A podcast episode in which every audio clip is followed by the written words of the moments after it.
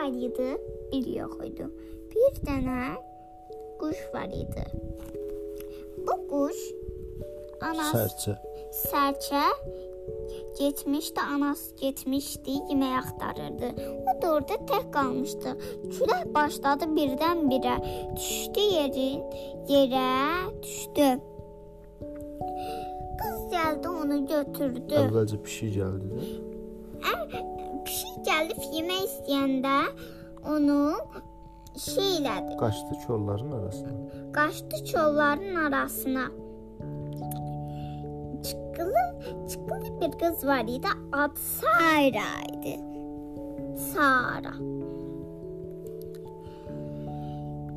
Onun quşuna a, şey ağzına su atırdı. Çörək verirdi. Çörək verirdi, həm də su atırdı. Pişikdən qoruyurdu. Pişikdən qoruyurdu.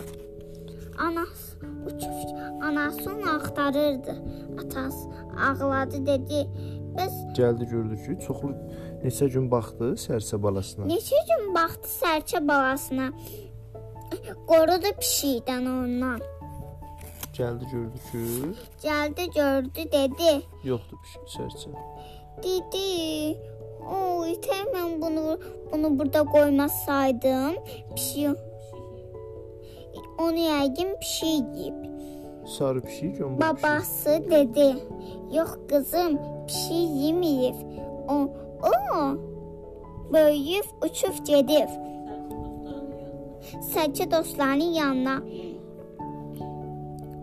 Qız da həmişə Qız da həmişə onu gözləyirdi. sərçələrə baxırdı ki, bəlkə onların içindədir. Sərçələrə baxırdı onun içində. Gözün yumuşaq-yumuşaq əllərini, əl gözlərini sildi yumuşaq əllərindən. Sonra nə oldu göydə? Göydən üç alma düşdü.